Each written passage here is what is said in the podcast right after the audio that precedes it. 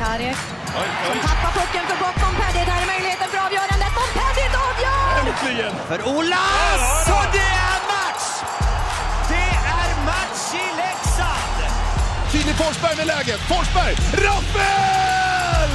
Oj! 3-1 Leksand! Olas vänder, vrider, kommer långt! Titta passningen! Det är mål! Det är mål! Leksand är i SHL! Formiddag. Hej! Hej! Titta! Ja, så kan det gå. Det fungerar ju bra det här. Ja, det går bra när man har en fru och en son som kan någonting, för jag är oduglig själv. Sådär. Men vad bra, hur är, hur är läget? Ja, det är väl bara bra. Det, jag har ingenting att klaga på. Det är ju coronatider, men det får man väl acceptera. Och jag lever väl ett liv som pensionär som är som corona, bara skillnad att man inte kan gå i affärer nu på ja, tre månader är det väl, men det får man väl stå ut med.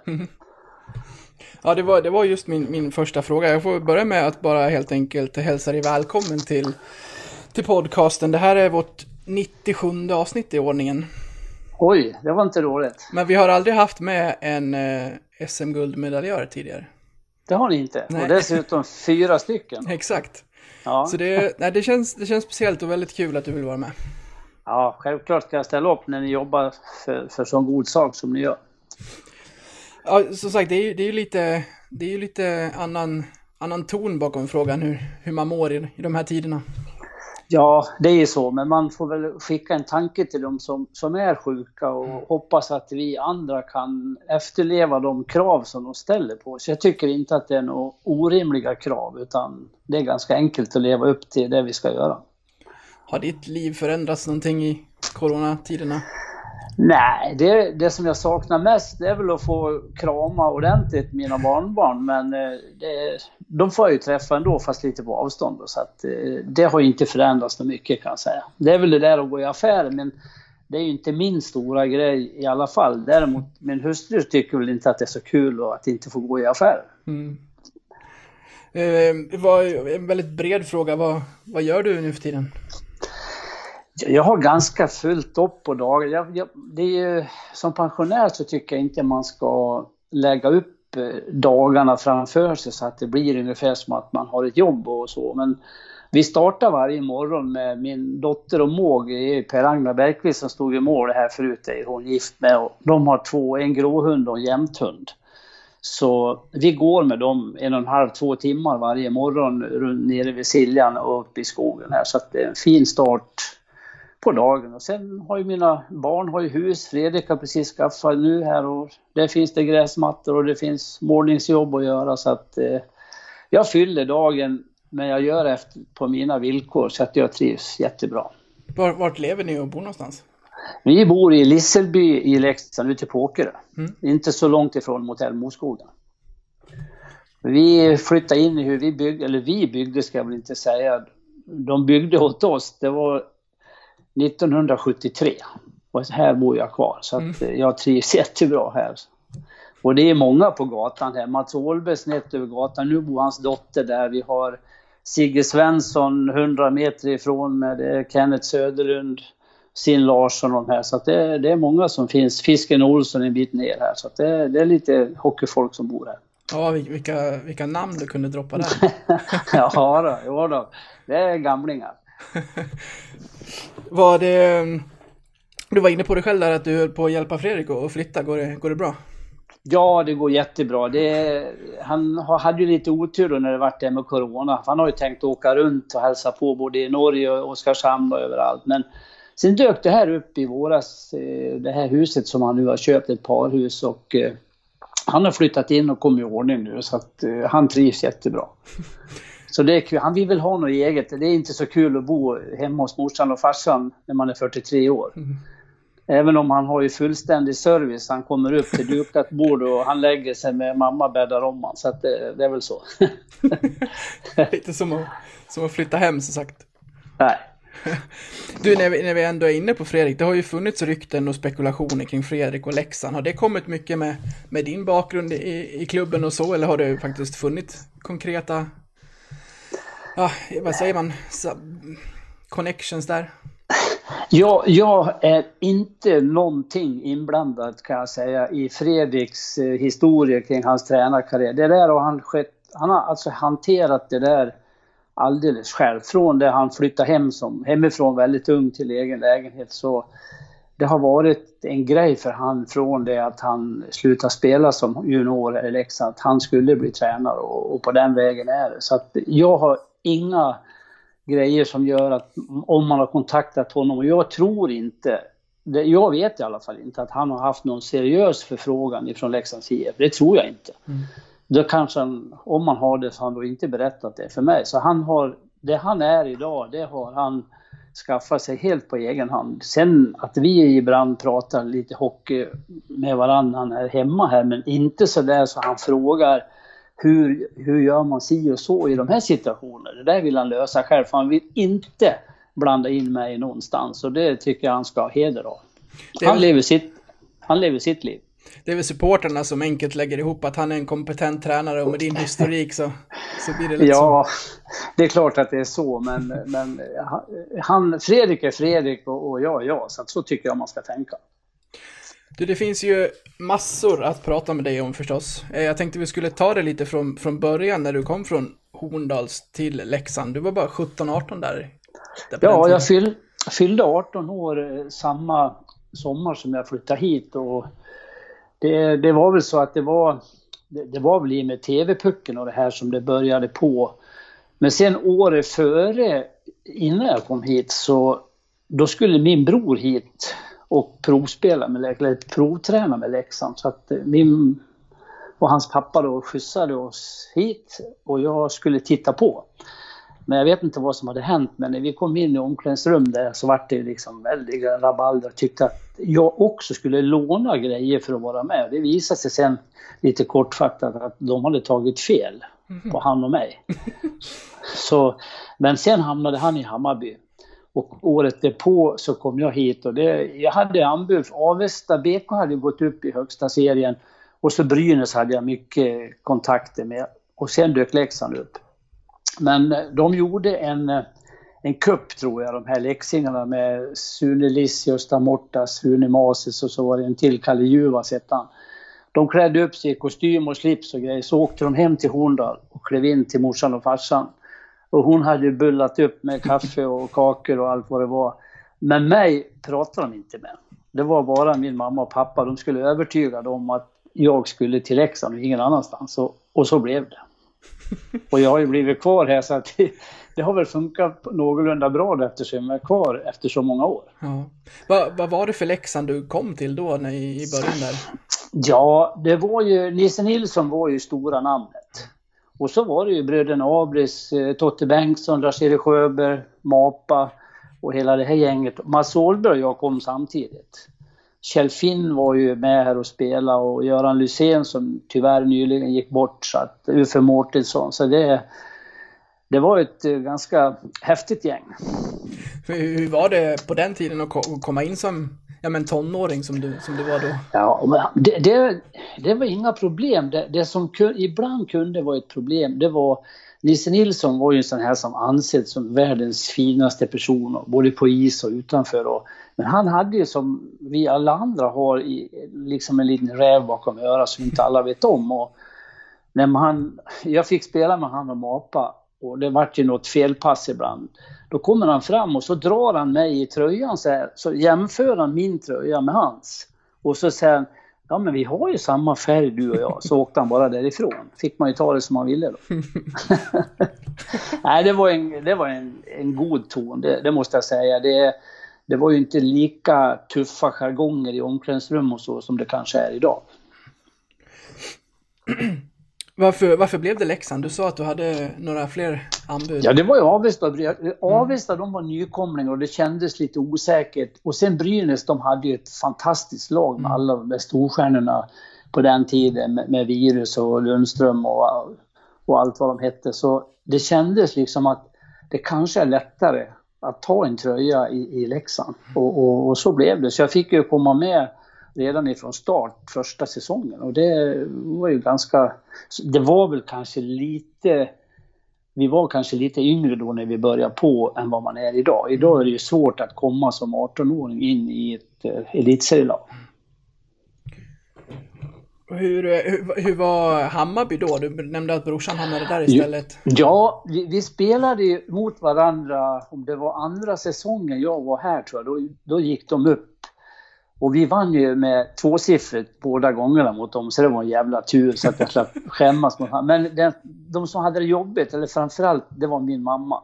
När vi möttes, Hammarby och Leksand, då, då visste hon inte på vilket ben hon skulle stå. För hon var ju oerhört hockeyintresserad och hejade på. Så att, eh, men som tur var för min del så slog vi Hammarby ganska rejält. Och, och sen spelade jag mot honom också. Han, efter ett par säsonger flyttade han till Fagersta. De var också uppe i högsta divisionen. Och då blev det naturligtvis samma resa där. Mm. Men eh, det slutade på samma sätt som när vi mötte Hammarby. Så att eh, jag klarade mig ganska bra i den striden. Brynäs var annars det stora laget att slå, eller? Ja, det var det. var ju enormt häftiga matcher när man spelade mot Brynäs. Och, och det var ju samma med Mora. Men Mora blev det mer den här, ska vi säga, eftersom vi låg så nära varandra så var det, man fick absolut inte förlora, man kunde aldrig acceptera. Men emot Brynäs så var det, fick man stryk då var det bara att räcka fram handen och gratulera för då var de bättre än vad vi var. Men vi hade några år så vi hade enorma bataljer med, med Brynäs och det var ju jätteroliga matcher med utsålda hus överallt. Så att, och när vi då var på landslagssamlingar där, jag tror att det var en säsong, vilken det nu kunde ha varit, om det var 70, ja, 73, 74 någonstans där. Då var det 18 stycken från, tillsammans av Leksand och Brynäs spelare. Mm. Och då den första dagen när vi samlades i Stockholm då satt inte vi vid samma bord kan jag säga. Men dag två och framåt, då var det inga problem. Men det tog liksom en, en dag att kunna acceptera varandra, att vi var i samma lag. Mm. Kolla numret innan man passar. Ja, precis. Han ska fan inte ha någon pass. Nej då. Men det var inga problem. Om vi, om vi tar oss igenom eh, de här åren med alla, med alla de här gulden. Det, mm. Om vi börjar från, från början och, och 69-guldet där, då, då har du, du bara varit i Leksand i ett par säsonger innan du får vara med och vinna redan. Ja, och vi spelade ju mot eh, Modo uppe i Örnsköldsvik. Och samtidigt så spelade Brynäs mot Frölunda i Göteborg. För på den här tiden och, var det seriespel in till, till Ja, guldet. det var en enkel serie. Med åtta lag då och det blev sju matcher. Mm. Så hade Brynäs vunnit i, i, i Göteborg, då har ju guldet gått till dem oavsett hur det gick för oss. Men när vi hade spelat klart våran match som blev 1-1 så, och de var ju lite finurliga där, om det nu var Brynäs eller Frölunda ska jag låta vara osagt. Men de förhalade matchen där. Så när våran match i Övik var slut, då var det ju en 8-10 minuter kvar i Göteborg. Så när vi åkte runt på isen och Modo, de hade ju gått in i omklädningsrum och sådär. Då stod det, då stod det, det stod 3-3 på tavlan tror jag, det, det sista som vi hade sett. Men vi åkte runt där och runt och runt och runt och, och, och Nisse Nilsson han, han hade kastat upp halva sin utrustning på läktaren för han, det var hans sista match. Men hur det var så började det på blinka på den där tavlan efter 7, 8, 9 minuter. Och då visst, vad kommer upp nu? Leder Brynäs, men då kommer det upp 5-3 mm. till Frölunda. Och då var ju guldet klart till oss. Och sen var det väl bara lite tid, jag tror att det blev 6-4 till, till Frölunda när matchen var slut. Så att i och med vårt 1-1 så var det klart med guldet. Och sen var det väl lite middag där uppe på kvällen. Sen skulle vi åka tåg, vi skulle ut till ja, vad kan det nu ha hette, inte Bastuträsk, det var uppe i Skellefteå någonstans. Ja, vi skulle alla Mellansel tror jag det här hette. Då var det buss i ja, kanske en timme till järnvägsstation. Och så skulle vi på tåget och så skulle vi av tåget klockan sex på morgonen i Bollnäs. Ja, till och med klockan fem var det. Och där väntade ju bussen och skulle ta oss hem. Mm. Så att det vart väl inte något mycket sömn på det där tåget. De där stackarna som åkte på samma tåg som oss och bodde bredvid oss, de hade väl ingen rolig natt. De kanske tyckte att vi var lite för stökiga. Men det var ju första SM-guldet. Men sen tog de ju oss med, med bussen och när vi kom mot Rättvik, då kommer både polisbilar och eh, brandbilar. Och Mötler, vi funderade om det var någon stor olycka som hade hänt. Men det visade sig att de åkte ju före bussen in, ja genom Rättvik och sen in i Leksand här där jättemånga supportrar hade mött upp utanför kommunalhuset. Så det var ganska häftigt. Hur, hur, var, hur var liksom inför det första guldet, vad, vad var målsättningen med den säsongen? Skulle ni gå långt? Eller vad var... Ja, ja mm. vi visste väl att vi kunde vara med där uppe om vi, om vi hade liksom lite flyt i det hela. Och det hade vi ju. Så att, eh, det var ju väldigt jämnt mellan de här, Frölunda, Leksand och Brynäs. Så att, eh, det vart väl lite stolpe in och det, var, det kanske var det som behövdes och framförallt kändes det ju skönt för Nisse Nilsson som spelade sin sista match och mm. fick sitt första SM-guld och enda SM-guldet också som han har. Han hade, han hade bestämt sig att lägga av oavsett hur det slutade ja, säsongen. Ja. ja, precis. Häftigt. Så var det. Mm, det var häftigt. Vad var det för nivå på Mora? Var ni i olika delar av tabellen eller hur, hur, hur såg det där Nej, det, det var både och. Det var mm. väldigt... Eh, det var jämna matcher hela tiden mellan Leksand och Mora. Någon gång vann vi med, med några mål då, men, men eh, det var ju också jätteroligt med, med klassiska, men det fanns den här, ska man säga, skamkänslan inne i, i kropp om man skulle förlora mot mm. Mora. Men nej, vi har väl ingenting emot Mora, de är lika värdiga att vara där som, som oss. Så att, men det blev på något sätt så. Vad fanns det för retstickor där då? Ja, hos oss, vi hade på det, då var ju vi lite för unga för att ha den rollen. Men Mapa Sjögren och sen en som heter Tuppen Lönn i Mora. Det var sådana där som redan på uppvärmningen så var de ju på att hacka på varandra. Men det var ju också mera Ah, lite ordbajseri om man säger så. Och trakasserade och försökte få, få upp det hela. Så att, men jag kan inte säga att det fanns några, varken i vårt lag i Leksand eller i Mora. Det var inga som hade något ont uppsåt på något sätt. Utan, och de hade ju Lillstrimma i sitt lag i några svängar och det var ju också en en härlig person. Han kunde komma upp jämsides med en och säga att men du, när du kommer mot mig, åk, åk på utsidan. För jag är så jävla dålig att vända utåt, så. så han, nej det var heliga tal. Om vi går till, till 73 jag har förstått att eh, du och Mats Åhlberg hade en väldigt lyckosam kväll där när, när det hela avgjordes. Ja, det var ju också en sån där eh, helt avgörande match i Gävle, men då var inte Brynäs inblandade i guldet utan det var Eh, Södertälje tror jag, som skulle spela uppe i Timrå. Och de vann ju sin match uppe i Timrå. Men våran match i Gävle, det blev ju 5-4 till oss innan det var färdigt. Så att eh, Mats Ålberg han gjorde två första målen och jag gjorde de tre sista. Och det sista målet, 50 målet som också varit avgörande sen, det har jag ju Börje Salming att tacka lite för. För att jag skulle spela precis förbi målgården till Uffe Mårtensson som stod bortanför Löken i mål. Så han skulle sätta den i tom kasse. Men då kom Börje Salming och kastade och skulle täcka den där så att inte jag kunde spela över. Så i och med det så tog den på hand och så gick pucken in i mål. Så att, eh, det var ju med lite hjälp av kung Börje som det blev sådär. Hur var det att vinna i Gävle? Även om, även om Brynäs inte var, var inblandad i, i guldet då så måste det ändå varit speciellt. Ja, men det var ju jättestort. vi, vi var ju kvar, vi var på någon ställe som heter Blå grottan där nere. Det var lite middag efteråt innan vi skulle åka hem och det drog ju ut på tiden där också. Så att, eh, ja, det, men det var häftigt. Din och Mats eh, relation förresten, vi kan prata lite om den. Ni, ni kom ju till Leksand samtidigt. Ja, det gjorde vi. Hur, hur, hur beskriver du er liksom, kemi på isen och hur, hur ni hade det genom, genom karriärerna tillsammans? Vi hade ju en, en, vi hade en bra kemi där, där vi var ju inte helt lika som spelare. Mats var ju mera den här, ska vi säga, offensiva spelaren som, som ja, han ville gärna stå framför mål och peta in puckarna. Han ville inte vara nere i hörnet och jobba och inte vara där och gräva och så vidare. Han var mer en, en oerhörd lirare på det sättet. Det är inget ont i det, utan han var ju en fantastisk ishockeyspelare. Och jag fick väl lite mera grovjobbarrollen om man säger så. Och sen vet jag att jag hade ett eh, oerhört spelsinne med fantastisk passningsskicklighet. Jag hade jättemycket passningar varje år. Så att, eh, det var väl det stora, att vi visste ju precis vad vi hade varandra.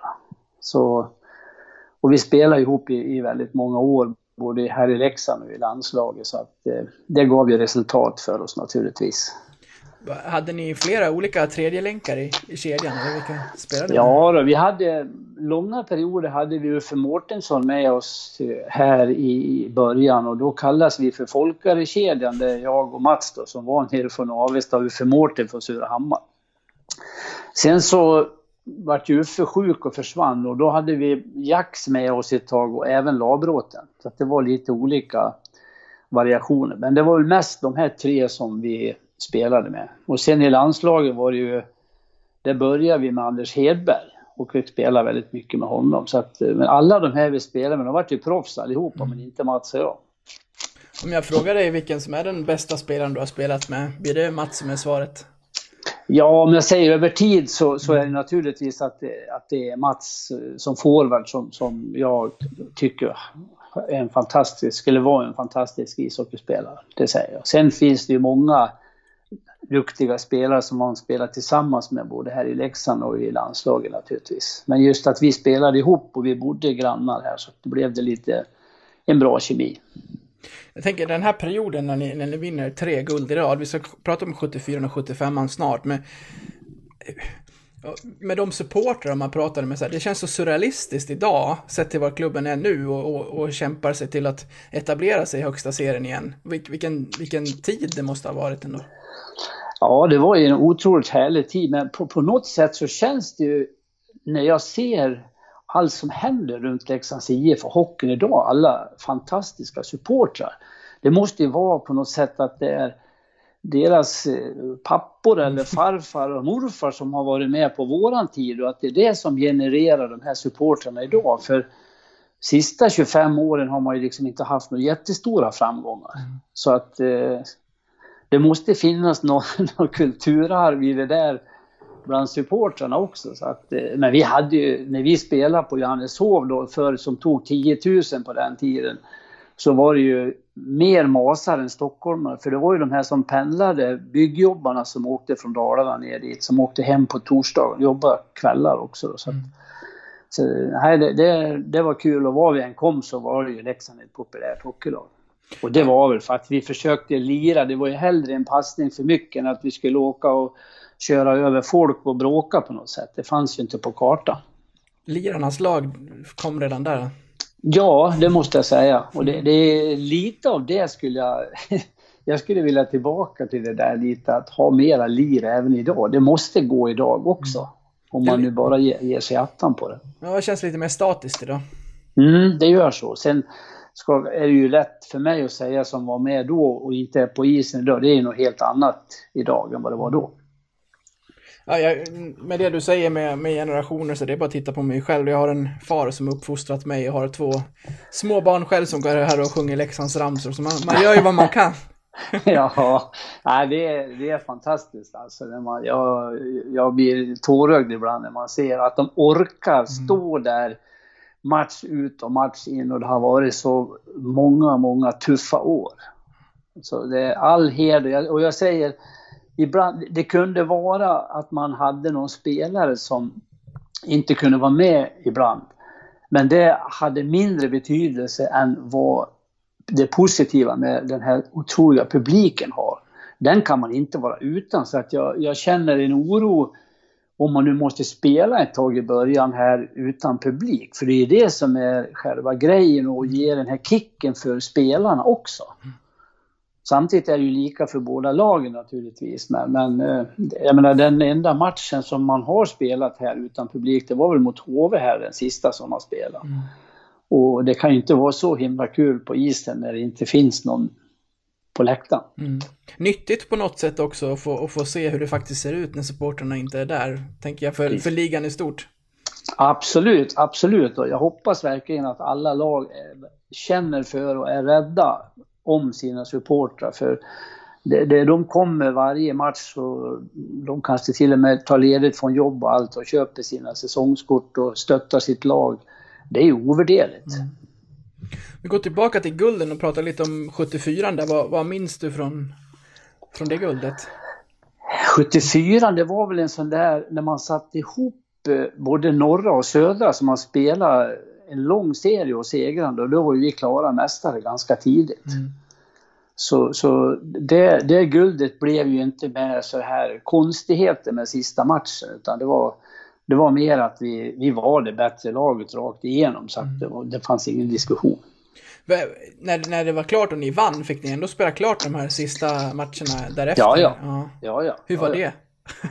Ja, det var, det, var ju, det var ju en glädje också naturligtvis att åka ut och veta att vi hade redan klarat guldet. Så det, var, det var ju så. Så väntar man ju bara på den sista då när här, vi skulle få medaljerna. Ni höll inte igen festen för att det är match om två dagar igen? Jo, det var ju, vi, all, vi fick alltid vänta tills det var klart. Okej. Självklart. Ja, ja, nej, men så var det. Det var ju inget, det var inga stora saker då heller, utan det var väl när det var färdigt så fick vi väl ha lite roligt naturligtvis. 70, 75 då? Det mest dramatiska Ja. har jag läst tidigare att du har nämnt. Ja, jo, det är ju en sån där konstig sak där vi, vi var till Gävle och vinner matchen i Gävle mot, mot eh, Brynäs. Och eh, sen ska vi bara åka hem till Leksand och eh, två, tre dagar senare så spela hem guldet. Det var väl uppdukat med fest på det hotell Furuliden som låg alldeles intill hallen och sådär. Men, men hur det än var så då, då åkte vi dit. Och så blev det ju en tredje och avgörande match i Skandinavien med Göteborg. Och där var det ju, det var ju väldigt tajt. Jag vet att Lillprosten gjorde något mål där, sitt segermål som alla trodde, men det, av någon anledning så blev målet bortdömt för att det var spark, tror jag det var. Till, de fick det till det i alla fall, men jag, jag, är- jag är inte hundra på hur det där var, men, men hur det var så, så blev det inte mål och det var 2-2 och så vart det ju sadden. Och då klev ju Roland Eriksson in i handlingarna och eh, satte dit trean. Så det, det var ju en sån där otrolig grej att få vinna i, på övertid. Hur, hur var det på läktarna med tanke på att det var neutral plan i, i Göteborg? Ja men det var som, precis som om vi hade spelat i, i Gävle eller här hemma. Det var lika drag och det var ju fullbokat så att det, det, det var fullt ös. Hur firar man ett SM-guld allra bäst? Ja, det var det ju. Då blev det ju middag och grejer på, på kvällen där i, i Göteborg. Men sen fick inte vi åka med. Vi skulle åka på landslagssamling till Alfta av alla ställen på jorden. Så när bussen gick hem så fick inte vi åka med. Vi fick sätta oss på ett tåg och åka ja, via Stockholm och, och Gävle då upp till Alfta. Och det var ju Sura-Pelle som var förbundskapten på den tiden. Men när vi kom till, till Gävle så ah, vi sa vad fan ska vi stressa dit? Vi hade varit uppe sent och, och vi hade vunnit guld och festat på lite där. Och så skulle vi upp och träna. Så vi sa att vi var ju ganska många spelare. Så vi sa, fan vi stannar, vi skiter i att hoppa på tåget till, dit upp. Utan vi, vi säger att vi har missat tåget, vi kom för sent till tåget. För, så då slapp vi ju träna. Men eh, vi fick ju ta ett senare tåg och han inte dit. Men, men det där förstod ju Sura-Pelle. Så på kvällen där när det var lite middag så, så, så sa han bara ja ni behöver inte säga något killar, sa han. Men jag vet precis hur det där gick till men ni, ni får inte göra om det, lova mig bara. Så att det var inget mer med det. Det hände inte igen. Nej, det var inget mer guld heller sen. Är det något av de här gulden som lägger dig lite extra varmt om hjärtat? Det är klart, de- dels är det ju första där när man eh, fick vinna det, men framförallt då det är i Gävle där jag och Mats fick vara helt avgörande så att vi tog det guldet. Det är klart att det är så. Men, men alla har ju samma betydelse i ett lag, där man utan ett bra lag och bra killar på varje position, då vinner man inga SM-guld. Och på den tiden det var så tajt med oss och Brynäs, så att eh, alla hade sin betydelse i det hela. Du, du nämnde landslaget där, du har ju väldigt fina meriter där också från eh, tre VM-silver, tre VM-brons, OS-brons. Vad- Ja, Det är en, en fin eh, meritlista även på landslagssidan. Ja, det är det. Och då hör det till saken att eh, under åren som 70, VM 77 och VM 78, då var det Virus Lindberg som var förbundskapten. Då spelade inte jag en enda landskamp. Och det är ju så naturligtvis, varje förbundskapten tar ut de spelare som de tycker. Och jag har inte fått någon förklaring av Virus och inte har jag krävt det heller varför jag inte fick vara med. Men han ansåg väl att jag inte räckte till så att det har jag väl accepterat. Så det är inget mer med det. Men det var ju också det där Gävle 73 när vi vann då, när vi gjorde de där sista, jag gjorde tre sista målen så var det också mitt första VM och det var i Moskva. Där vi vann silver och spelade final mot eh, ryssarna. Och det, det var ju liksom en otrolig avslutning då på säsongen efter att först vinna SM-guld och sen vinna kan jag tycka ett silver. För jag menar ryssarna på den tiden, det var ju helt omöjligt. Mm. De, var ju så himla bra. Vilken kedja de än satte in så, så bara visslade de ju förbi. Det vet alla de där, Krutov, Larionov och Makar, alltså det var ju fantastiska. Petrov och Firsov och, och allt vad de hette. Det är nästan lite, nästan lite som, som Stenmark där man får ändra reglerna för att det ska bli lite mer spännande. Ja, men det var nästan så att det skulle ha behövt göra. Och sen hade de ju Tretjak i målet som vart världens bästa målvakt varje år. Men fan, han fick ju aldrig något skott på sig så ingen vet ju hur bra han var. Det var, det var så man, man, man pratade, att fixar vi silvret så, så är det, ja men då är det liksom dit vi kan nå. Ja, det var ungefär så. Alltså, inre känslan var ju att man trodde att man skulle kunna vinna varje match då, mot, även fast vi mötte ryssarna. Men det visade sig ju att det gick inte där. Så att, eh, jag vet i, som när vi var i Göteborg VM, det var väl 81 tror jag. Då hade vi 1-1 efter första perioden. Och vi kom in i omklädningsrummet och vi var så där alla, fan nu jävlar har vi chansen, nu ska vi slå det, nu ska vi ta guld. Efter två perioder då var det 1-7 och efter tre perioder var det 1-13.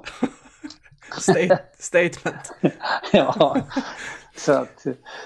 Nej, men det var ju, det var ju helt enormt den där VM då i, som då i Moskva var det ju 73, 74, då var det väl i Finland, då var det brons. Och då var det ju det här med dopingen som blev med Lillpröjsan. Mm.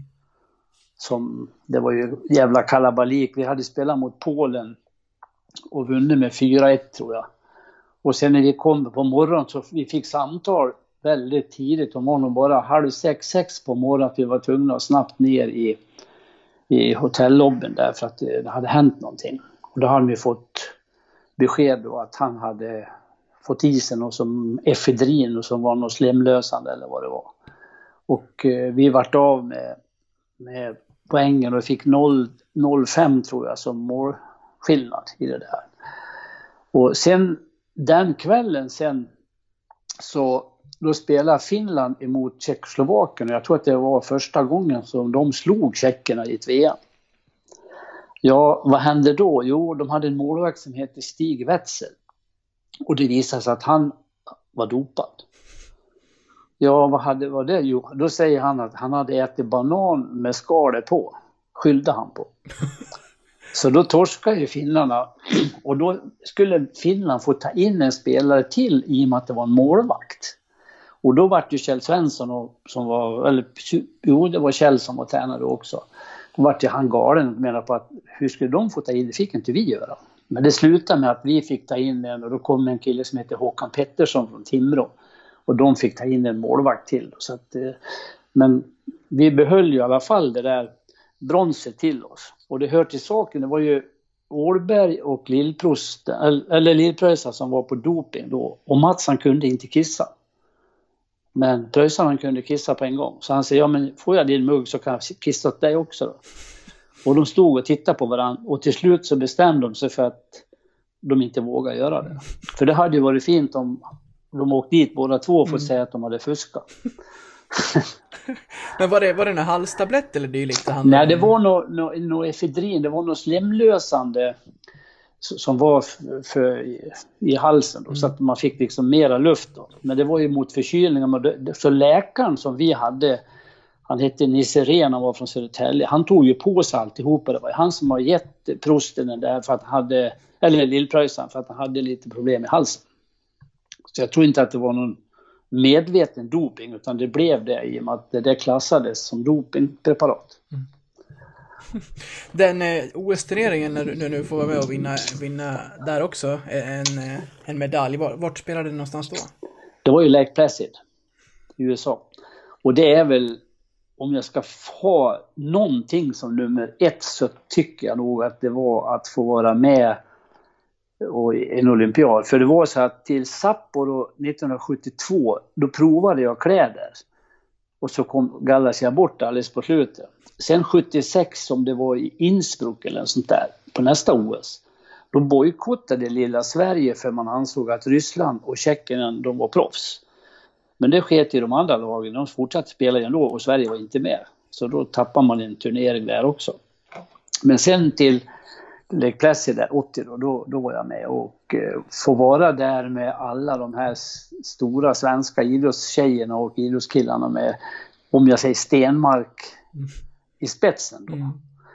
Så att, och vi bodde ju tillsammans på, på ett, det var ett nybyggt fängelse med, med så här runda hus så att man, man gick en öppen trapp upp och så var det liksom en eh, liten framför dörrarna och ett räcke så man kunde stå där och se ner på mitten där så att man såg alla rum. Och, och det var ganska häftigt. Och jag vet att när Stenmark skulle åka ett av sina åk, nummer två, andra åket, då hade Stig Strand kört ur. Så vi frågade Stig Strand, för vi skulle väl iväg och träna eller vad vi skulle. Och hur, eh, hur eh, tror du att det här kommer att gå? Ja, ge mig tio sekunder, jag vill bara se när Ingemar startar, så. Och så stod Ingemar på startlinjen där och så petade han ja, det här är lugnt, det här vinner han med en halv sekund och han vann väl med en 40 sekunder.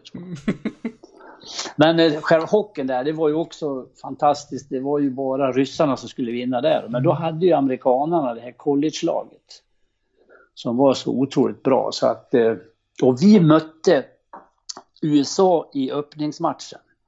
Och vi leder med 2-1 och de kvitterar, ja det kanske var 15-20 sekunder tror jag, från slutet så kvitterade de till 2-2. Och vi var ju totalt kapade vid fotknölarna, Tre Kronor. Och så jävla usla som vi var, vi kunde ta, tappa poäng mot ett collegelag. Vi kunde packa och åka hem. Men det visade sig när det här var klart så var vi de enda som tog poäng av USA. De slog ju till och med ryssarna. Så att, eh, och stå där inför utsåld arena, de åkte runt, de hade vunnit guld. Och ryssarna var på plats två och vi stod där som bronsvinnare på plats tre en olympiad. Man hade den där fantastiska medaljen kring halsen. Det är rysningar än idag kan jag säga. Var det en eh, bronsmatch också? Ja, vi spelade mot, eh, jag tror vi, ja, vi mötte Finland, det stämmer. Mm. Så var det. Så det var häftigt att få en medalj från en olympiad. Det är inte alla som har. Hur, hur var mediebevakningen och sådär? Hur mycket media fick ni göra? Ja, det var väl mycket, men det går inte att jämföra som det är idag. Och jag menar de första åren jag var med, det hette Vikingarna på den tiden, det var ju svenska B-landslag. Det var ju någonstans 68, 69 vi var där i USA Kanada i tre veckor över jul och nyår. Men fan, folk visste ju inte förrän dagen efter hur matcherna hade slutat. Idag vet de ju nästan innan matchen är slut hur mycket det blev. Mm. Så att det, eh, det har ju skett enorma grejer just på det området. Ja men precis som, som när ni är uppe i, i Övik där väntar på slutsignal. Det hade ju ja. tagit, det hade ju, i, idag vet man ju samma sekund som det är slut att det är slut. Ja men det är så. så att det, det, det är ju på både gott och ont. hur, hur var det för dig under, under landslags... Eh, uppgifterna och, och uttagningen och sådär, att dra på dig den blågula tröjan? Ja, något nå större som idrottstjej, idrottskille tror jag inte man kan få uppleva när man får stå där framförallt då som det var under ett OS eller det var en andra gånger vi var i USA och Kanada, att stå där på blålinjen och de kör igång det gamla, det fria. Och så står man, alltså då känner man i hela kroppen om man får lov att känna på sig själv, ja fan är det verkligen Hallands pojk från Horndal som får stå här på blålinjen med Tre Kronor på bröstet? Jag representerar Sverige. Mm. Det, det, det önskar jag att alla skulle få uppleva. För det, det går inte att beskriva med ord, man måste få uppleva det. Hur, ni sa att ni fick höra det när ni förlorade mot, mot, mot USA. Eh, var, de lär fått bekänna färg, ryssarna där, och efter finalförlusten. Ja, vet, de, de grät ju öppet, mm. ryssarna också. De förlorade, jag tror att det var 6-4 någonting till amerikanerna i den där matchen. Så att de var ju helt förtvivlade. Och det, det märkliga var att var man än tittade, var man än var, så står det att USA går för guld. Det satt stora banderoller, affischer överallt och hela jävla omklädningsrumsdelen, alla katakomberna. Det stod bara USA skulle ta guld och det gjorde de. Så de var inställda på det. Så att eh, amerikanerna är ju duktiga på sånt där. Mm. Minns du några namn? Vad, vad har vi för... Nej, jag, kom, nej, Nej. jag kommer inte ihåg. Men de vart ju stora spelare, många av dem där. Så Mm. att, eh, nej, det är inga jag kommer ihåg till på raka.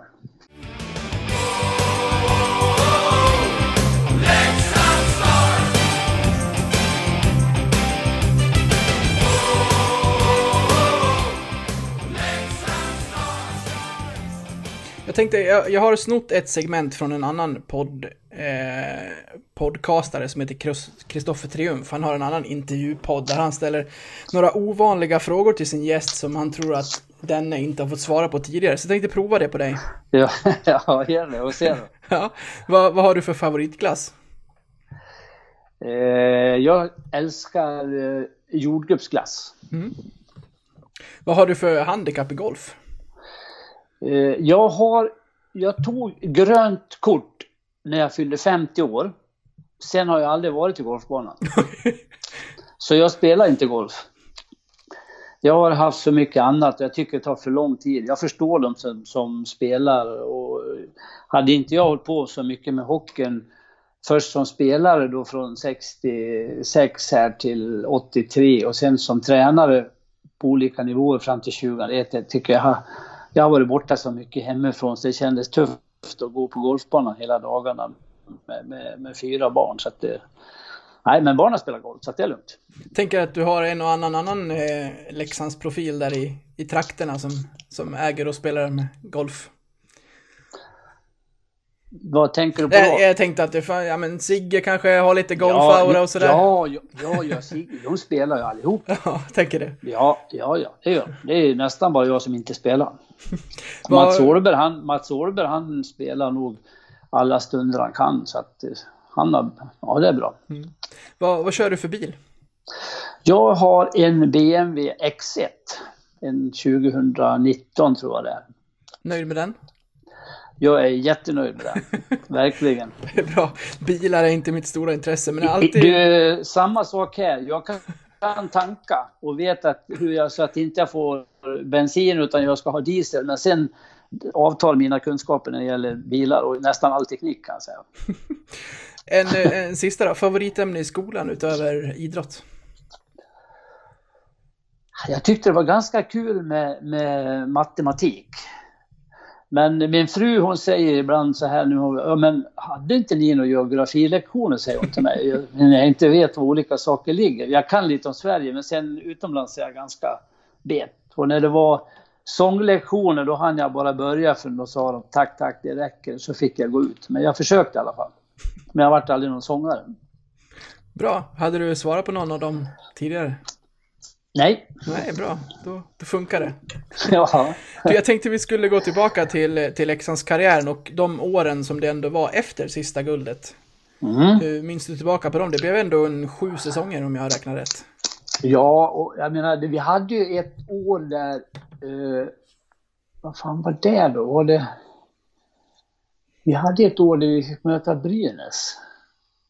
Ja, skit i samma, men man ser, de, de värsta åren, det var ju de här kvalåren. Du. När vi fick... Eh, nej, då, det var tufft. Vi hade...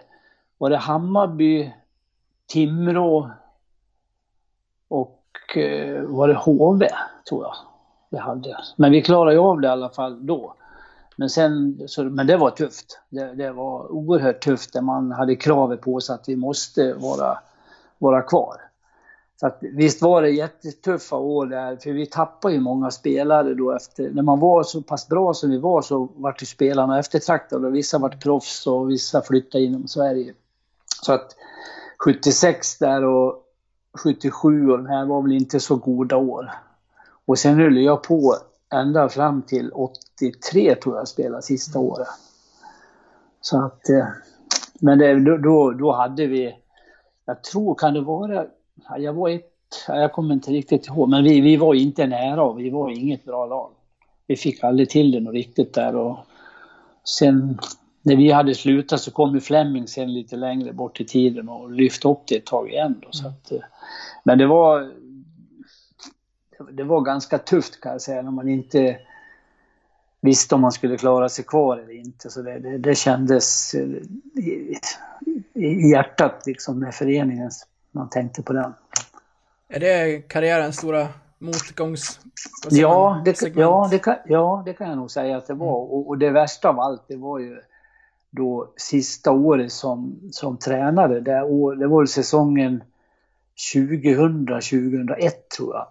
när, när jag och Abris hoppade in.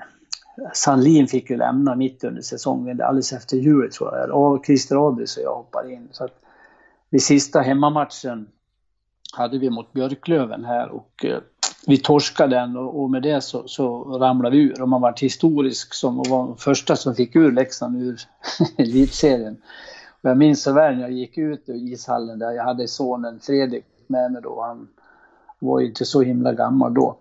Och då slog kyrkklockorna när vi gick ut, så det kändes som att det var domedagen för alltihop. Men då slutade jag med det där. Sen har jag inte hållit på med den ledarsidan heller. Så, att, så är det. Men ändå, man ska, man ska ju vara med på de åren också där. Ändå var vi ju med.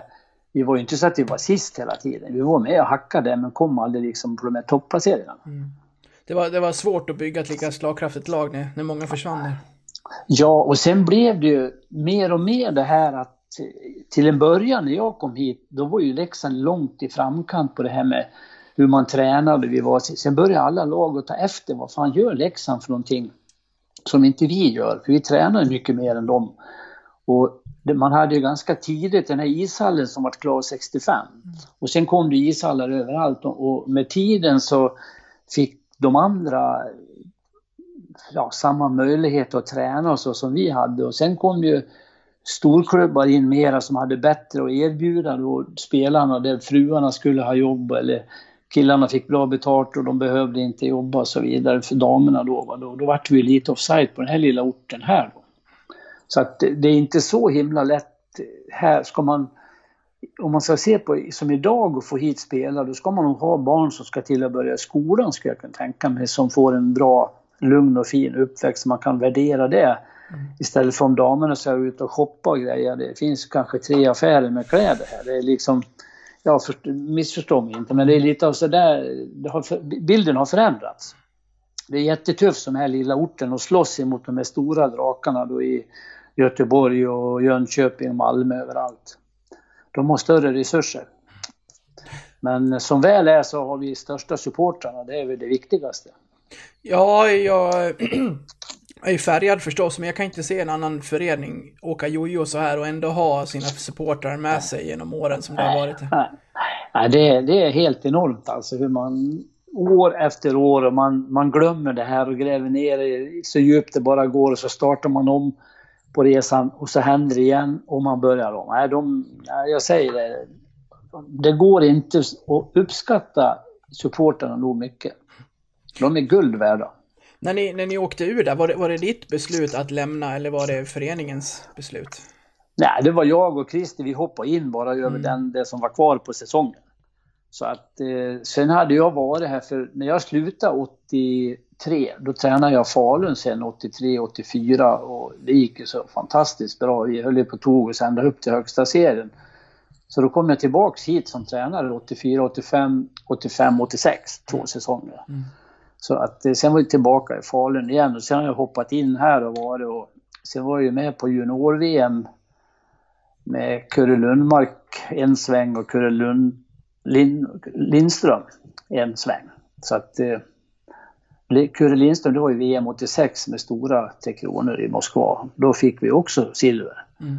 Så att jag har ju varit tillbaks på banan fast i båset då, så det har ju varit fantastiskt. Och det här junior-VM i Finland 60, vad fan var det för årtal då? Men det var i alla fall, det var ju Lidström och eh, Lidström och det här var ju som bäst och Sundin och alla de här. Så det var ju en häftig upplevelse. Jag tänker när ni åkte ur där, om, om man får, får, om det fanns någon, någon tanke som man får, om man får citera Jon Knuts att man vill vara med och rätta till det man fuckade upp förra året. Ja, jo men visst är det så. Visst är det så, men det, det, det kom ju då, om det var jag vet inte vilka som tog över som var med här sen, men vi, vi hade liksom inte så att vi hade något kontrakt över som skulle fortsätta och vi inte fick fortsätta. Utan jag själv valde att inte, för jag höll inte på med juniorlag, ingenting, vilket jag hade gjort tidigare. jag kände att nu var det nog. Ä- Amerika och, och så. Fanns det, fanns det tankar kring det under, under karriären eller varför blev det aldrig en sväng över? Ja, det var vid V- i samband med VM 74 i Finland. Då poppade det upp här där det var både jag och Ålberg och eh, Labråten vart aktuella för, för proffssessioner där borta. Och eh, då satte Svenska Hockeyförbundet ihop en grej med Jofa i Malung. Och de satte in en storstöt och ville anställa oss tre. Så vi gick där under benämningen A-kedjan hos, eh, hos Jofa då. Så vi, vi vart anställda på, på, på Jofa, alltså i, inom koncernen.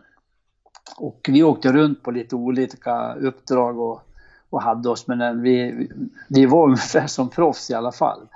Men med, men med facit i hand så känns det som att det, det där blev inga bra år tyckte jag. För jag, jag var inte den här som bara kunde gå hemma och inte göra någonting. Utan jag var ju tvungen att... Det kändes väl mer att ha ett riktigt jobb. Sen var jag på väg till eh, VHA, hette det Cincinnati Stingers hette ett lag. För de låg på väldigt hårt. Och likadant var det väl Tyskland som höll på ett tag. Men jag valde, och jag, jag var så ärlig då när det var aktuellt med USA och Kanada, att eh, jag kände att jag var för liten för, för att vara det, som, som de spelade i NHL då. Det var ju jäkligt tuffa tag. Och, och den stora spelare, tunga spelaren var ju inte jag, men hade det varit idag, då tror jag hade kunnat passat med den spelartyp som jag var efter. För nu har du ju mindre tacklingar och mindre fysiskt spel där än vad, vad, vad det är här hemma. Mm. För jag var och såg under, det var här i, i november, då var jag över och tittade på barnbarnet Axel Bergqvist där när han spelade där borta. Och så var vi och tittade och såg eh, Buffalo och Ottawa. Och det var ju nästan inte en tackling på hela tiden. Mm. Men det var ju annat då när, när jag höll på. Då, då, skulle man vara stor och stark och elak. Vilken, vilken säsong han stod för om vi får prata lite om Axel. Ja, det var ju helt otroligt. Alltså, det är så enormt bra han spelade där och, och vi var ju över och såg, jag tror vi såg tre matcher när vi var där. Och det, var jättekul så att eh, han valde helt rätt tycker jag som prova och eh, testa någonting nytt. För det är samma sak där, det är lite svårt att bli herre i sitt eget hus här man, man är kvar här hemma. Så jag tyckte han gjorde helt rätt och jag tycker han har gjort rätt med, med valet nu också att ta, testa i Allsvenskan och se. För jag menar, han, är, han fyllde ju 20 år här i måndags så att han har ju tiden för sig. Det känns som att han kommer i, i sitt val av Karlskoga där att han kommer till en Frejdeklubb där han verkligen kommer få chansen att, som, som du säger, spela och, Mm. och utvecklas. Ja, och det, det är därför tror jag som man har valt det också när man... De har valt honom för att de ser att han är den som ska spela i deras powerplay. Men sen ska man ju leva upp till det. Man kan inte f- bli lovad att göra det om inte det fungerar. Så nu är det ju upp till honom själv. Men jag tycker att det, det känns bra där, så som det har börjat för honom och han trivs bra där nu. Vi var dit och hälsade på honom för ett par veckor sedan. Så vi, sett, så vi vet hur han bor och när man, ja, när man pratar med honom så är det lättare att bilda sig en uppfattning när man har sett det en gång. Ingen värmländska än. Nej, det, det tror jag inte kommer att bli heller.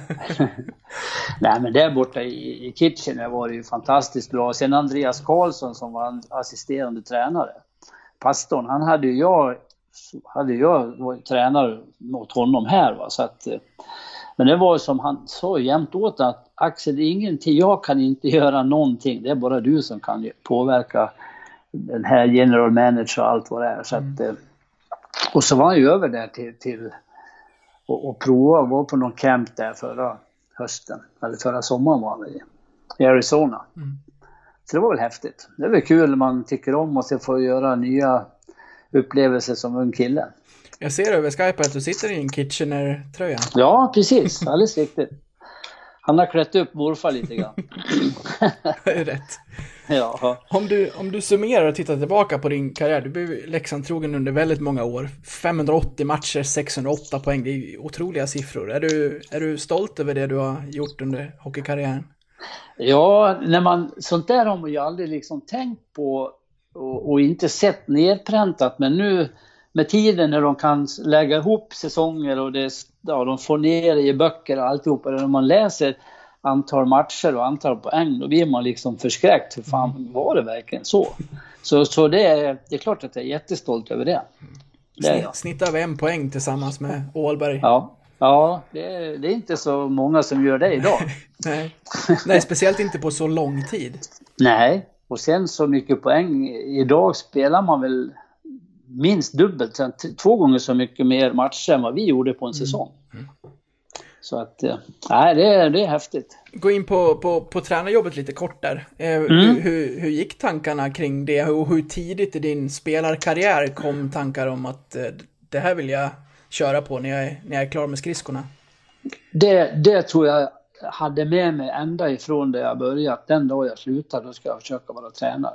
För jag har alltid tyckt om att och, och, och testa nya grejer och det här som vi gjorde för att när vi, nu möter vi det och det lag. Vi satt ju alltid och klurade och hur de gör alltid så här i sina uppspel och då måste vi göra så här. Så, så det var oerhört kreativt som vi höll på med. Mycket idag, idag upplever jag att nu går man ner till träningen och så är det bara tränarna som pratar. Vi spelarna, de står i sitt led och så säger att nu ska ni åka ner så ska ni göra så här. Och så gör man det, så ställer man sig i sitt led igen. Så jag tror att det är någonting som Leksand skulle gå tillbaka till, så är det mera medverkan ifrån varje femma.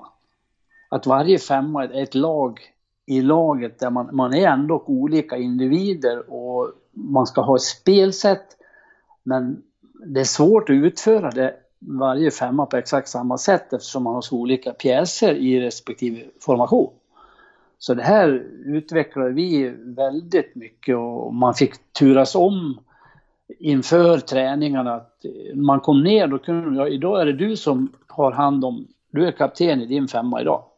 Då fick ju du försöka förbereda din femma på vad vi skulle göra på is och så inte tränaren behövde stå och rita och visa för allihopa. Men idag känns det som att det är tränarna som står där och spelarna sitter och lyssnar och jag vet att det är så många som de fattar ingenting. Och ändå så, så, måste, så får de stå och titta och lära sig över tid. Jaha, är det så där vi ska göra? Men som vi fick göra, då var man tvungen att hela tiden vara på tå. För rätt vad det är så säger de att jag är kapten i min femma och så ska jag tala om för alla hur vi ska göra idag. Så det, det är någonting som jag saknar idag. Ja, Men det, jag hopp, jag kan Ja. tänka mig att det var någonting man växte med, att man själv fick liksom inom sin kedja och sin kemi skapa det som blir framgångsrikt på isen. Precis, och, och vi fick alltid kritik när jag och Ålberg och, och Uffe Mårten spelade ihop. Och, och det var Stickan Påvels, en gammal Leksands stjärna här, som alltid var förbannad för att vi gick ner och var bakom mål. Och han sa, fan det gör ni väl inga mål, sa. Nej, det gör vi inte, han. Men när vi står där med pucken, vad gör motståndaren då? Jo, då vänder ju de sig och tittar på den som stod där. Och då kunde man ju se, då så, nu står mina medspelare med klubban i isen och tittar, så kan jag passa in på dem så skjuter, det är ju mål. Och, och när säsongen var slut kunde vi säga till Stig Påves, men titta här, vilka har gjort mest mål? Jo, då hade ju vi gjort överlägset flest. För, för han tyckte man skulle aldrig vara där. Men alltså sådana här små grejer. Och, och få till det då. Så att, och skydda pucken och inte tappa den på en gång. Hur, hur var du som tränare?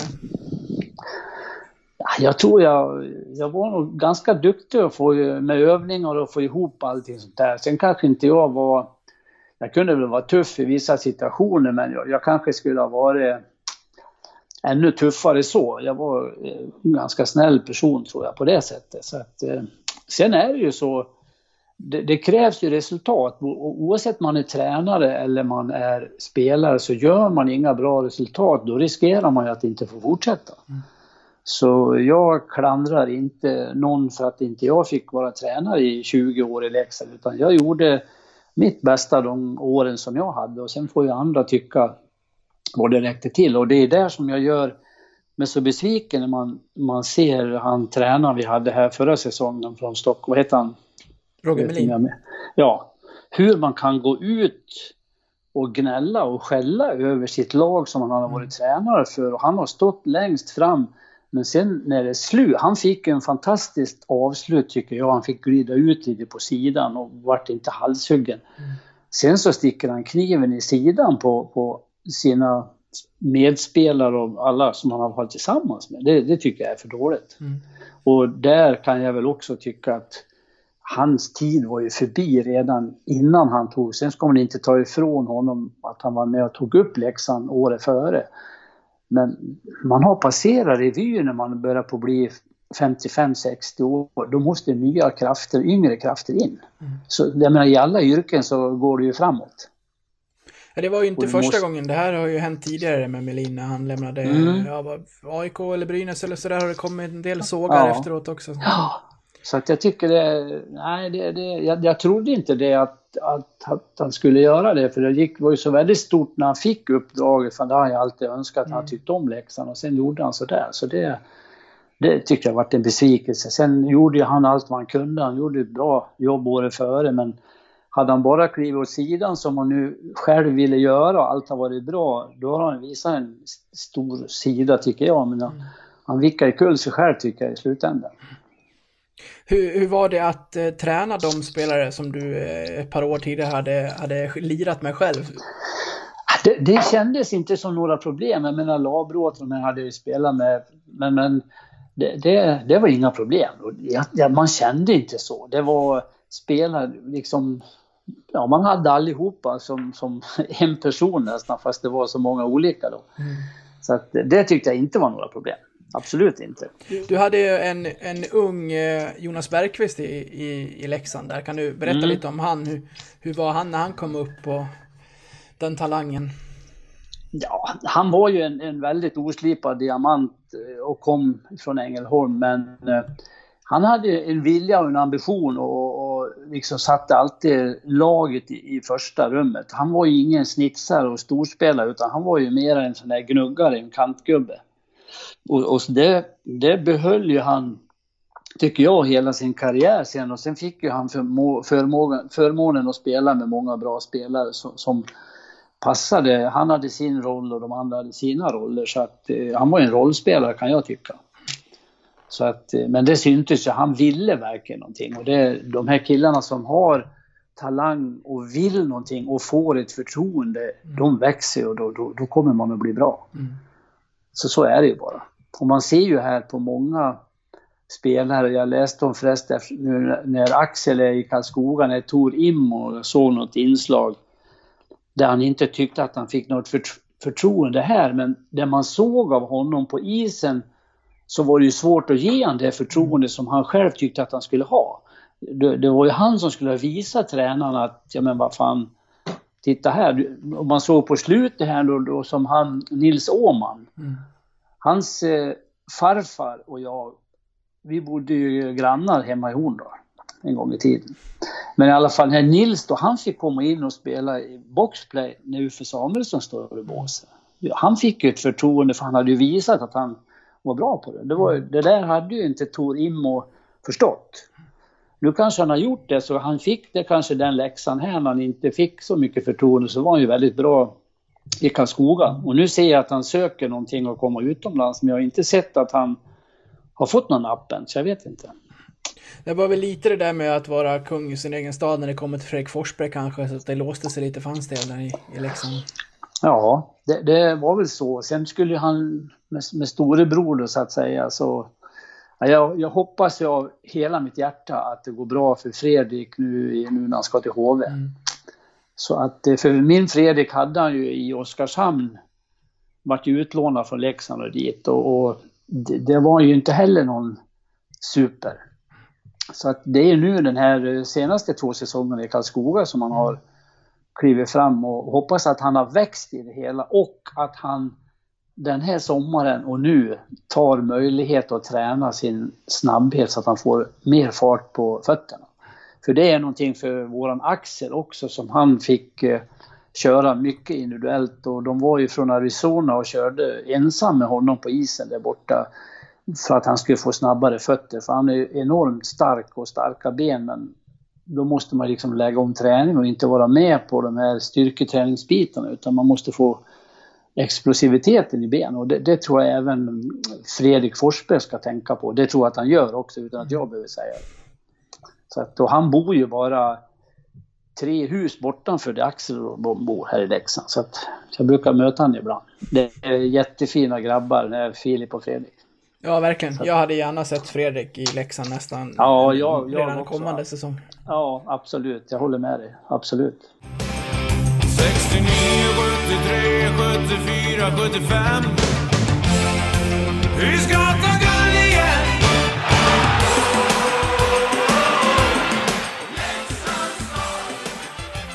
Om vi spolar fram eh, till 2009 i juli där när din tröja hissas i, i, i arenan. Ja, det, det var också en sån här fantastisk upplevelse. Det, det, det ryser nu när du säger det. Nu känner jag, nu ser jag mig själv när jag åkte runt där när den här åkte upp i tak. Mm. Det, det, det, var, det var stort, verkligen. Det är få förunnat att få hamna där uppe. Hur, hur många matcher ser du per säsong och sådär nu för tiden? Jag ser inte så många för jag ser ju, kan ju se dem på TV, men jag blir så, jag vet inte. Jag, jag är så orolig om man säger så för, för föreningen Leksands IF och sen har jag inbillat mig liksom att fan när jag går dit då går det inget bra. Så jag tittar säger jag, när jag har gått hem efter en period då vänder de och vinner så, då, så då säger jag då är det lika bra att jag stannar hemma då. Men jag följer alltså, jag har ju det gör så ont i själ och hjärta när det inte går bra för Leksand. Så att jag, jag, jag förbannar mig själv ibland varför jag engagerar mig så mycket när jag, jag kan ju inte påverka men på något sätt så tror jag att jag gör det när jag sitter hemma här. Jag kan ju släcka lyse överallt och dra mössa och hålla för öronen till matchen är slut och vill bara ha resultat en gång men mm. det är så larvigt som bara den. Men så är det. om, om jag frågar dig den, den, stora frågan då, varför har det gått som det har gått för Leksand de senaste 20 åren? Ja, jag tror att man har inte fått den här kontinuiteten i framförallt inte på ledarsidan och det tror jag också avspeglar sig ner på spelarsidan när det blir en viss turbulens och en viss oro. Och, och, och, även där om man tittar tillbaka förr så var det ju samma människor i styrelsen år efter år efter år. De visste precis. Men när det här börjar någonstans i mitten på 80-talet. När det börjar bytas ordförande och människor hela tiden. Och sen kommer det in affärsfolk och inget ont om affärsmänniskor. De är bra på sina saker men det är inte självklart att jag är så himla bra på att leda en, en sån förening som Leksands IF och allt vad det innebär. Och när vi är så påpassade utifrån ifrån alla supporter och även alla andra. Leksand är ju i ögonen hos alla människor nästan ha synpunkter hela tiden. Då måste man vara väldigt speciell och stark och kunna hantera de positionerna. Och jag kan tycka att Christer Plars som var med, för det tyckte jag då när han skulle sluta, det var den största förlusten Leksand har gjort på många år. Men nu har man fått in Hedbom. Och han håller jag också oerhört högt som, som människa. Och jag hoppas att han ser de här ledarna och allihop. Och för mig känns det som den här ledartrojkan man fått ihop nu utan att jag, Karlberg känner jag utan och innan men inte någon av de andra två. Men min Fredrik säger att han, den där som var i Oskarshamn, det är en otroligt skicklig kille med spelidéer och alltihopa där. Och sen han Hellqvist kan jag inte så mycket om, men Fredrik säger också att det är en jätteskicklig tränare. Mm. Så ja, jag hoppas och tror att det ska bli bra som det är nu. Men, men föreningen har inte, man har gått ett jävla stålbad och sen är det naturligtvis det här med pengar. Mm. Och lilla orten emot de stora, vi är tillbaka där igen, att det är klart att det påverkar. Det gör det. Mm. Så att jag hoppas nu att Inställ Hockeyskolan, är branden, att inte det ska, ska påverka alldeles för mycket på den ekonomiska biten. Och sen kan jag hoppas att Tjommen har någonting mer som inte han har släppt. Han har väl varit, eh, han har varit med här och, och, sagt att eh, även e efter att Pajanen presenterades att det är två, tre namn som ska in. Mm. Sitter väl och vänt, väl väntat i flera månader på Matt Kaito och det är väl den här coronan som ställer ja. till det gissar jag. Precis, och det hoppas man att de kan få en sån spelande back som det var. Mm. Och jag vet, han rightar han också. Eh, ja, Ja, det skulle behövas en sån som när Janne Hoko var som bäst. En bra lirare och ett bra skott där uppe på, på en bra högerfattare på den positionen. Så att, eh, ja det är inte lätt. nej, det, det är ändå många som säger att, vi, att det känns, och det är lite som du säger också, att det känns som att man börjar sätta en organisation nu, att man får börja där liksom och, Mm, och ge Tjomme den här tiden och de här åren Ja, för att... ja precis. sätta Det, prägel det på är allt. så. Så om man inte börjar på skaka redan nu efter, i, i hans andra säsong och det blev inte, ja, men det är inte där han har sagt att det ska vara som bäst utan det är lite längre bort. Då måste vi ha det tålamodet och samtidigt måste man ju få ihop ett lag så man känner att man är med. Och det kommer att bli lika tufft en gång till. Det är ju svårt att se var Oskarshamn står då, men Linköping har ju värvat på sig lite mer. Sen kan jag väl se, jag ser ju inte Malmö som något superlag som jag ser på pappret idag. Men man ska ju spela varje match och hoppas att varje kille vet sin roll och att man måste jobba oerhört hårt. Man kan inte gå ut och ha klacksparkar bara, då vinner man inga matcher. Vi har hållit på länge, men eh, har du tid för några lyssnarfrågor innan vi Ab- rullar absolut, absolut. Jag, jag frågade när du skulle vara med här och frågade vad folk undrar över. Jag har fått in ett, ett bra gäng med frågor och Mats Wallinder undrar vad tror du behövs för att Leksand ska på riktigt börja etablera sig i SHL igen? Och du har ju varit inne på lite på nu, men är det något utöver det vi har touchat här som du, som du känner? Det är ju det här att man får, man pratar, man, nu fick man ju behålla Rivik där och får en finsk bra center och jag, jag skulle hoppas att man fick eh, en eller två forwards med stor arbetskapacitet. Och backsidan då är han en amerikan eller är han i Finland, men det är en amerikan va? Ja, precis. om han kommer och sen gärna en bra back till. Sen har alla pratat om målvaktssidan, men jag vet inte vad jag ska tycka. Det är klart alla vill ha en supermålvakt, men när det var så många matcher som man inte gjorde ett enda mål på hemmaplan, då kan man fan inte skylla bara på målvakterna heller. Och, och, och det kändes i min värld när Uffe och Per-Erik och det gänget tog över på slutet att många spelare blev bättre och, och fick ett lyft och jag, jag hoppas att man kan fortsätta där och få lyfta med den här nya konstellationen på ledarsidan. Vi får säga till Janne att det ryktas en supermålvakt in igen, då, då kommer det en ny sån där dunderstreak. ja, precis.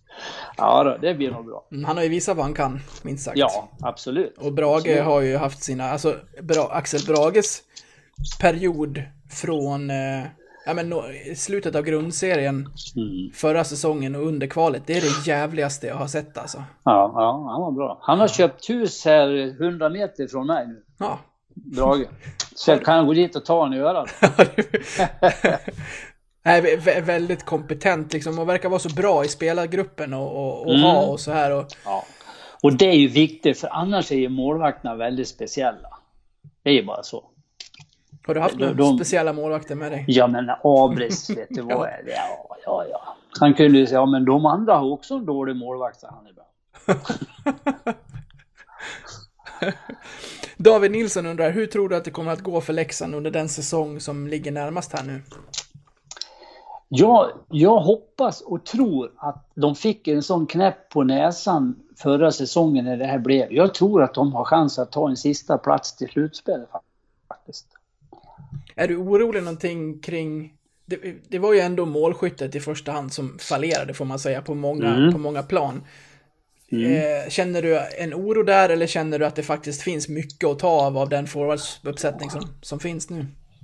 Nej, alltså det är för många spelare som inte är några extrema målskyttar. Så jag hoppas om man kan hitta en sån här, en Burakovsky som liksom, du såg inte till han på hela matchen men i 59 minuten så kunde han stå bakom mål och göra mål lik förbannat. Så, så att hitta en extrem målgörare och det behöver inte vara de här bäst, superbästa spelarna men har man det här att man är en jävla målskytt, då, då kan man klara sig i ett sånt här lag om man har bra spelare runt om sig. Så där hoppas jag att man kan hitta någon extremt bra målskytt. Det Ho- måste vi ha. Hoppas att Heinemann och Åman får vara med från start och verkligen Ja, det jobba jag för också. att ta sina platser. ja, det hoppas jag också, verkligen. Lasse Brink undrar om du fick ta ut eh, dig själv i en kedja i dagens Leksand, vilka hade du satt dig tillsammans med? I dagens Leksand? Ja. Ja, ja, jag hade ju... Jag måste naturligtvis säga Rivik här också. Jag hade ju hoppats mer på Zachrisson, men jag hoppas att jag har, som alla andra, att han kommer att bli mycket bättre nu, den här säsongen. Mm. Det kan jag tycka. Ja, vad ska vi ha mer för råd? Men jag säger Rittola då, för jag tror han också kan göra en bättre säsong. Vi skulle kunna bilda line där. Ja, det, det låter som en eh, giftig Ja. kedja. Ja, jag tror det. Ja. En imponerande förlängning ändå av Riviks kontrakt där från Tjomme får man ändå säga. Ja. Det var otroligt bra jobbat. Det, det måste, för han måste ju ha haft många bud och framförallt som det ryktades om Malmö, lite mera närhet till familjen och ta sig både hem och dem och träffa honom. Så att det var bra jobbat. Verkligen. En av de mest allrounda spelarna i Leksand på 2000-talet skulle jag vilja säga. Är, eh, jag håller honom väldigt högt i kurs. Ja, det gör jag också. När, när han är bra, då är också hela laget bra. Så är det. Vi, du har nämnt det tidigt här i, i avsnittet, men Marcus Widgren undrar varifrån kommer namnet Folkarekedjan? Ja, det var ju för att eh, det hette ju Folkare, alltså en, inte en kommun, men en, en del av utanför Avesta hette Folkare. Eller man sa det nere i södra Dalarna och det är där namnet Folkare, eftersom jag kom från Horndal och Mats från Avesta och Mårten Surahammar, det är inte långt ifrån Avesta-trakten. Så därav kom namnet Folkarekedjan. Så är det. Bra. Mm. Du, vi ska börja avrunda det här samtalet. Det, det går fort när man har roligt. Vi har hållit på Absolut. i nästan en och en halv timme. Oj, oj, oj, vad kul! Ja. Hur tycker du att det här var? Jättetrevligt. Jag tycker du är fantastisk och ni som håller på med det här. Så att, eh, är det något man kan göra så är det väl att ställa upp på sådana här saker. Får du göra mycket media än idag och så? Ja, det kommer någonting ibland, någon som hör av sig och så. va, Men, men annars är det, det är lugnt. Och jag har väl alltid varit en sån. Jag har inte... Jag har liksom ställt upp när de har frågat mig. Jag har inte varit rädd för att vara med. Så att det, det är inga problem så. Du ska få en, en sista uppgift och då undrar jag hur, vad du lyssnar på för musik. Ja... Jag är ju ingen sån här uh, musikfreak, men äh, uh, när Skifs är som bäst och, och har sina fina stunder, han tycker jag är bra. Det, jag, jag, jag tycker väl om nästan all musik, bara det inte blir för vråligt om man säger så. Det, det ska ju höras att det är musik om man säger så då. Och där har jag väl haft tur att ingen av mina fyra barn som har varit sådär riktigt punkare eller någonting heller eller dammar på. Så att, nej, jag tycker om musik, det gör jag. Men jag, ja, jag vet inte vad alla heter som sjunger heller. Du ska, Huvudsaken de är bra. du ska som alla andra gäster eh, få bestämma helt valfri låt som vi ska avsluta ditt avsnitt med. vad ska jag ha då? Ska jag fråga min fru? Ja, det kan du göra. Kerstin! Kom! Hon, jag vet ju aldrig vad någonting heter. Så hon, vad, vad, brukar, vad vill jag ha för låt som avslut? Säg någonting bra nu då. Nej, jag kommer inte Jo, men säg nu. Vad var det du hade när vi hade det quizet då? Ja, vad var det för något? Var det Bonnie Taylor? Nej. Ja, det var det. Vad heter den? Det finns någon låt... Vissa har det. It's a hard date. Ja, bra låt. Ja, Bra ser du? låt. Ja, vart, någonting vart bra då. Det är bra. Det är ju jätte, jätteskön låt att sjunga med till, så det, det tycker Ja. jag att vi kör. Ja, vad kul. Du Dan Söderström, stort tack för att du ville vara med i Blåvita krigares podcast. Det var nära att ha dig med. Stort tack för att jag fick vara med och sköt om det nu. Detsamma. Ha det bra. Bra. Hej. Hej då. Nothing but a heartache. Hits you when it's too late. Hits you when you're down. It's a fool.